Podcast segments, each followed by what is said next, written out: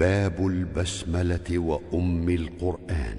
وبسمل بين السورتين أئمة.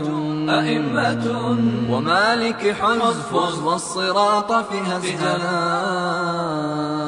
وبالسين طب واكسر.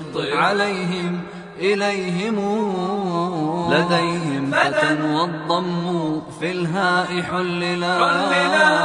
عن الياء تسكن سوى الفرد واضمم تزل طاب إلا من يولهم فلا وصل ضم ميم الجمع أصل وقبل ساكن أتبعا. حزن غيره أصله تلا.